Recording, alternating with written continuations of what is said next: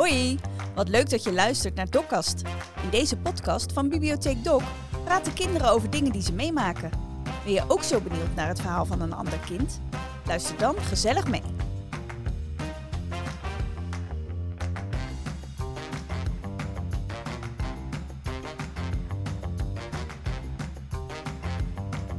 In deze aflevering vertelt Brit over hoe het is als je vader wordt uitgezonden.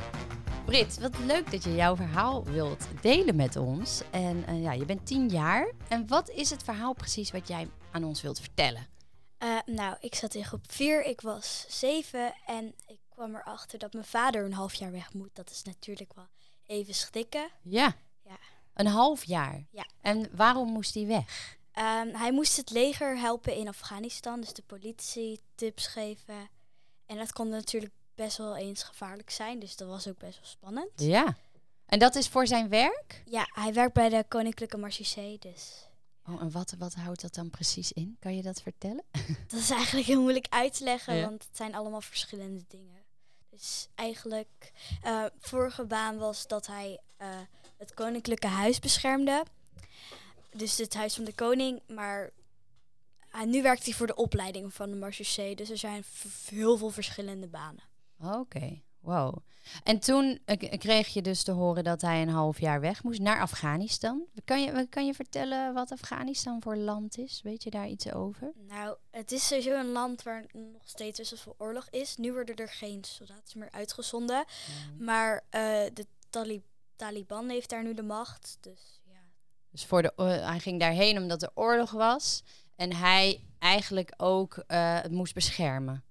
En, en jij zat toen in groep 4, zei je? Ja, klopt. En snapte je toen een beetje wat er gebeurde? Een klein beetje, maar ik wist niet echt dat het spannend kon zijn. Want ze legden eigenlijk uit dat het niet spannend zou zijn. Maar laatst vroeg ik of er wel spannende momenten waren. En dat waren er dan soms wel. Ja, dat geloof ik wel, ja.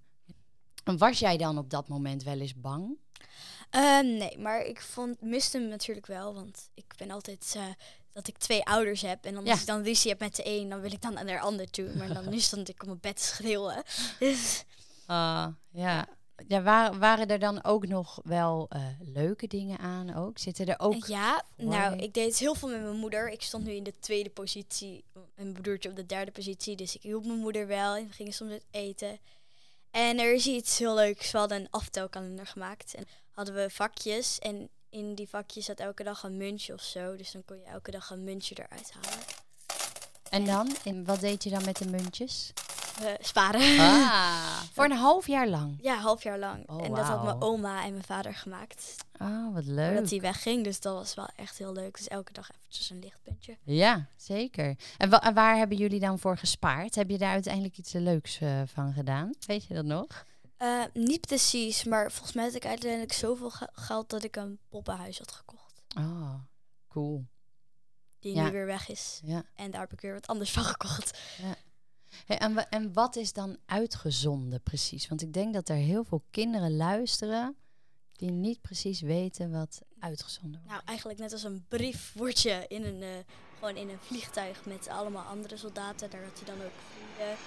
En dan word je met een vliegtuig naar een soort van kamp gestuurd, een. Mm -hmm. En ja, daar ga je dan de mensen helpen. Ja. Dus wel een, een, een mooi beroep. Ja, zeker. Ik vond het ook altijd wel cool, want dan komt hij soms in zijn uniform naar school toe en dan al die kinderen kijken, dus dat is wel heel grappig. Ja, ja. En dan ging hij dan wel eens op school iets vertellen ook misschien? Om het ja, uit te leggen? Uh, voordat hij wegging, wou ik niet zoveel vragen krijgen. Dus mm. toen heeft hij een presentatie gehouden oh, ja. over uh, zijn beroep en dat hij wegging. Ja, dat. Ja. Ja, want je zegt ik, ik wilde niet zoveel vragen krijgen, ook omdat het dan lastig was. Dat je dacht van ik kan er niet. Uh... Ja, alsnog kwamen er wel heel veel vragen van vind je het niet eng en dat soort dingen. Ja. Ja. ja. Er is ook een, um, een vraag van een luisteraar.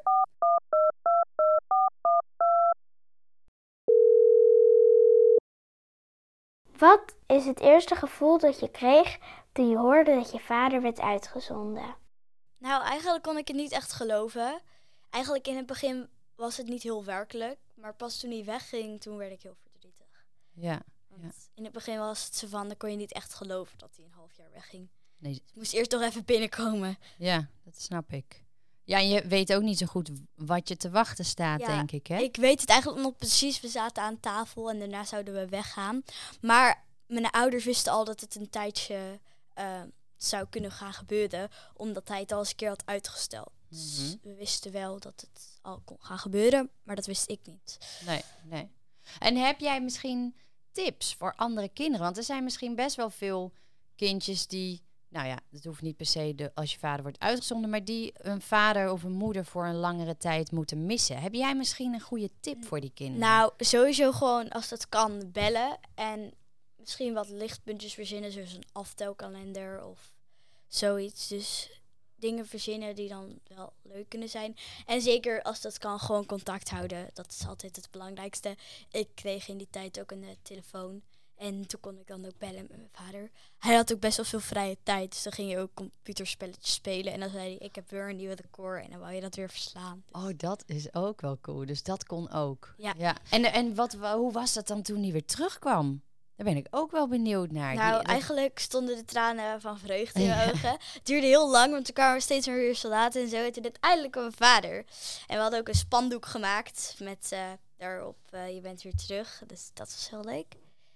En eh, hij mocht twee weken vrij nemen en toen zijn we met heel de familie op vakantie geweest. Leuk hoor. Dat is dan wel fijn Ja. dat dat kan. Ja. Hey, en Tamara, die heeft ook tips voor ons. Tamara van Dok, die heeft misschien leuke boekentips voor kinderen die daar iets meer over willen lezen of weten. Zeker. Want eh, jij zegt, eh, papa werkt bij de marechaussee. En dat is natuurlijk een heel mooi beroep. En wij hebben een eh, thema beroepen. En daar vind je alle boeken over beroepen. Als je nou een beetje wil weten hoe het is als je vader ineens weg is en uitgezonden wordt, dan kan je altijd kijken naar de klassieker Toen mijn vader een struik werd van Joke van Leeuwen. En die vind je weer bij het thema samenleven. Top, dankjewel. Brit, super bedankt dat je jouw verhaal met ons wilde delen. Ja, was superleuk.